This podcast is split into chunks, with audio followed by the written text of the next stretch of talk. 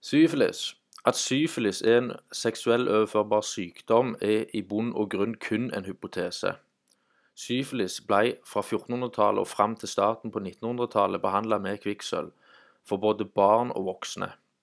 Kvikksølvforgiftning ble før i tida diagnostisert som syfilis, spedalskhet og menneskekopper etc.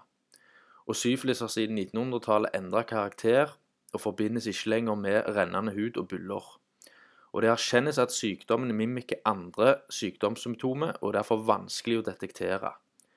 For påvisning av sykdommen ble Wassermann-testen praktisert på tidlig 1900-tallet, en antistofftest som er høyst unøyaktig og misvisende. F.eks. i Statene var det påbudt på tidlig 1900-tallet at før inngåelse av giftermål så skulle brud og brudgom testes for syfilis.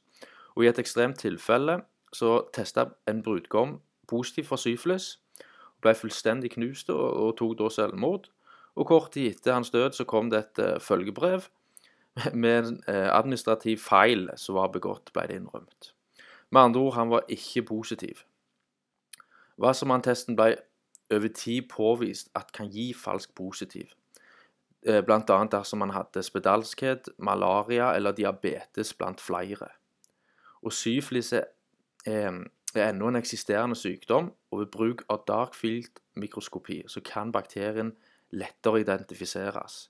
Men som tidligere nevnt, bakterier er ikke årsak til sykdom.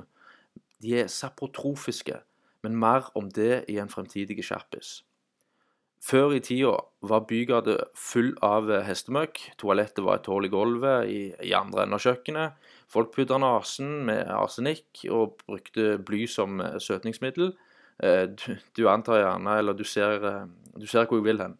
Med andre ord, syfilis skyldes toksisk akkumulering av miljøgifter.